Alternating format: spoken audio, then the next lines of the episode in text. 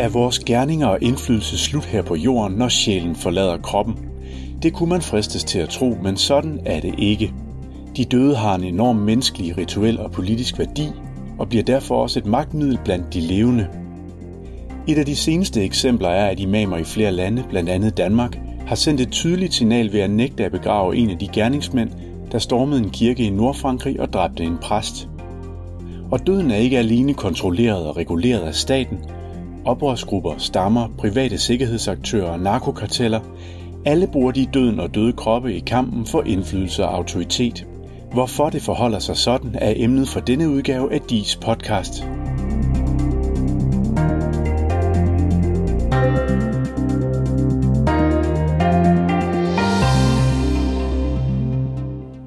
Velkommen til endnu en udgave af DIS podcast. Mit navn er Troels Jensen, og velkommen til Finns Deputat du forsker blandt andet i dødens betydning i samfundet og er redaktør på den her bog, Governing the Dead, Sovereignty and the Politics of Dead Bodies. I bogen øh, skriver du blandt andet, at kontrollen med døden og de døde er direkte forbundet med suverænitet og politisk autoritet. Hvad ligger der i det? Jamen, det kan man se på mange forskellige måder. Hvis vi kigger på vores eget liv, øh, vores egen hverdag, øh, hvordan døden optræder, der kan man jo lægge mærke til, at hvis et nært familiemedlem dør, så bliver staten meget til stede, kan man sige, i overgangen fra liv til død på mange forskellige måder. Men, øh, men det er helt klart, at, at staten tager, tager ligesom kontrol med, hvad der skal ske med den døde, definerer, hvornår vi er døde osv.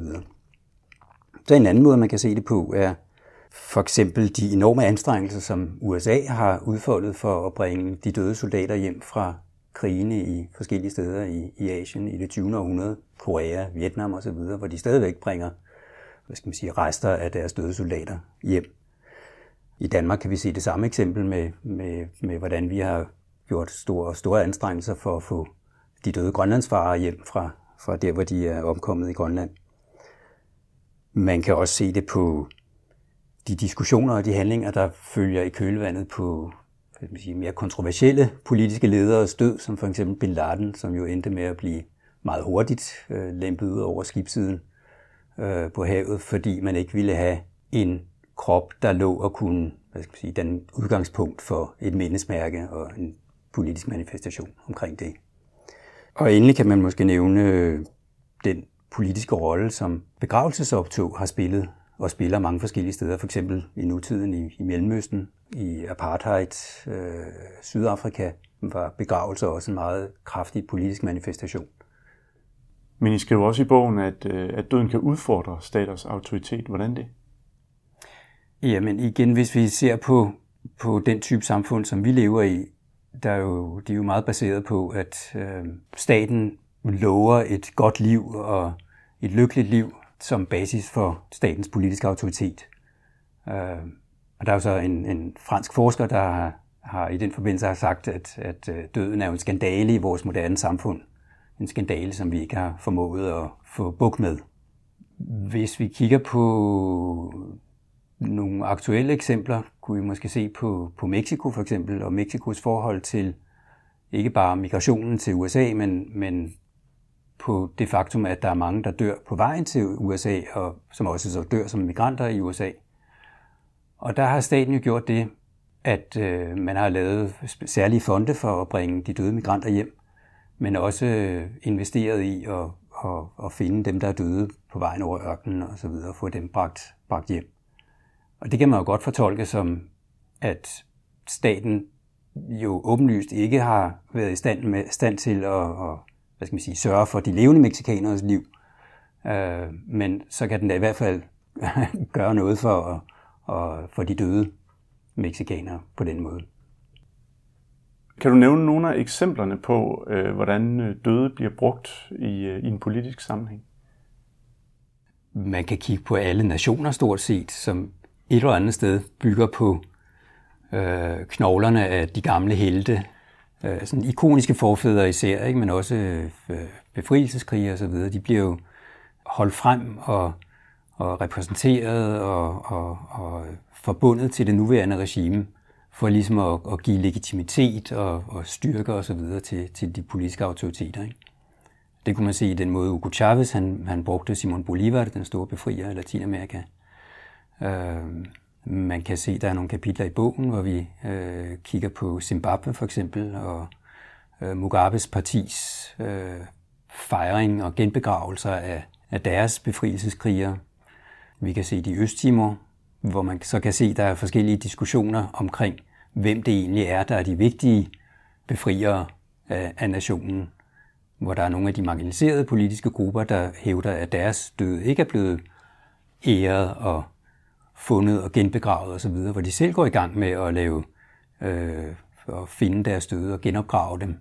Man kan sige, at den der magt, som døden udgør, øh, er jo i høj grad en psykologisk magt. Hvorfor, hvorfor er det her et øh, spørgsmål for forskning i internationale forhold og skrøbelige stater og sådan noget, og ikke bare et, øh, en opgave for psykologer at forske i? Jamen, det er den jo, fordi den, øh, den, den som vi påstår, den, den forholder sig til øh, spørgsmål suverænitet. Ikke bare staters suverænitet, men alle mulige andre politiske autoriteter, der, der hævder en eller anden form for, for, for selvbestemmelse. Så den måde, vi forstår suverænitet på her, det er som kontrollen over liv og død. Ikke så meget den, den territorielle, anerkendte statssuverænitet. Og på den måde kan man så også kigge på øh, alle mulige andre eksempler på politiske og moralske og hvad nogen må sige, amoralske øh, autoriteter, som for eksempel øh, narkokarteller og bander og øh, broderskaber osv., som, som også tiltager sig magt over, hvad der sker med de døde. Øh, man kan jo se det i, i Mexico for eksempel, hvor, øh, hvor, hvor narkokartellerne i høj grad prøver at, at, at ligesom holde på deres døde. Selv mm, døde medlemmer, der er blevet skudt og, og, og taget af, af myndighederne, der går de ind og prøver at, at skaffe dem tilbage, så de selv kan kontrollere, hvordan de bliver øh, begravet og så videre. Ikke? Så der der, altså det, det er noget af det, vi kan se her, det er, at der er ligesom en, en kamp mellem, eller forhandling mellem forskellige autoriteter, forskellige øh, moralske og politiske fællesskaber om, hvem der egentlig skal bestemme, hvad der sker med de døde. Ikke? Hvorfor er det så vigtigt øh, at have hvad skal man sige, kontrollen over øh, døde medlemmer af narkokarteller i Mexico for eksempel? Hvorfor kæmper narkobanderne og, og staten om, om autoriteten over, over døde mennesker? Hvis ikke du kontrollerer dem, så er der nogle andre, der kan bruge dem. Så derfor kan de, kan de være farlige. Så det næste spørgsmål er så, eller hvad skal man sige, det næste problem, er, at de døde lader sig jo ikke bare kontrollere det er måske meget at sige, at de har deres, deres, egen, øh, deres egen vilje, men den døde krop er så, så tvetydig, og der er så mange betydninger, der kan lægges ned over den. Og det kan man for eksempel se på, når der pludselig dukker nogle døde op i nogle udgravninger, som viser sig at kunne relateres til nogle bestemte politiske episoder. For eksempel igen Zimbabwe opdagede man pludselig en, en lukket mineskagt, der var fyldt med lig som øh, Mugabes regering så sagde, at det her det er, er, er ofre for koloniregimet, øh, og tog dem op, og de var halvt opløste, øh, og, og virkelig øh, i en forfærdelig tilstand, og der tog man skoleklasser osv. ned for at se, hvor, hvor, hvor onde kolonimagterne havde været, eller kolonimagten havde været. Men så efter et stykke tid, så var der nogen, der begyndte at stille spørgsmål ved, om det faktisk var ofre for kolonistyret, eller om ikke de var ofre i virkeligheden for Mugabe i de første år efter befrielsen. Og det endte med, at der blev så meget usikkerhed omkring det, at, at regeringen lukkede minen igen og, og prøvede at, at, at, at lukke til. Ikke? Øh, og på den måde er der, man kan også godt se i forhold til et af de helt store spørgsmål i øjeblikket, som er, er kommet op, efter at øh, DNA-teknologien er, er blevet udbredt til at identificere døde så er der rigtig mange politiske konflikter, der er blevet, hvad skal man sige, blevet genåbnet, fordi man er begyndt at kunne identificere de døde, hvis man graver dem op. Men er det, er det ligefrem politisk vigtigt også at gemme døden væk? Ja, det kan jo være meget vigtigt i forhold til, altså man, hvis vi ser på konkrete eksempler. Øh, for eksempel har der været en større debat i USA omkring, hvad der sker med de døde amerikanske soldater, der vender hjem fra forskellige krige i udlandet. Og der har man siden 2003 for eksempel øh, indført et forbud mod at, at se de døde og se, de, se kisterne, når de vender hjem til USA efter krigene. Fordi man er bange for den effekt, det har, øh, og man prøver at kontrollere det. Hvorfor er det her emne så aktuelt lige i øjeblikket?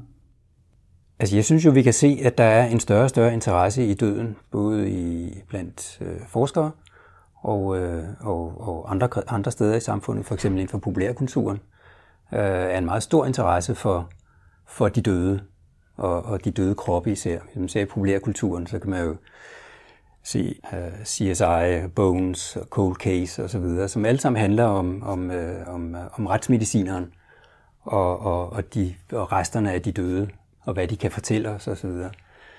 Og det er, jo, det er jo så et eksempel på, at, at, uh, at der sker noget. Præcis hvad det er, der sker, det er, jo, det er jo så det, vi skal arbejde med, kan man sige. Men hvad sker der i den virkelige verden?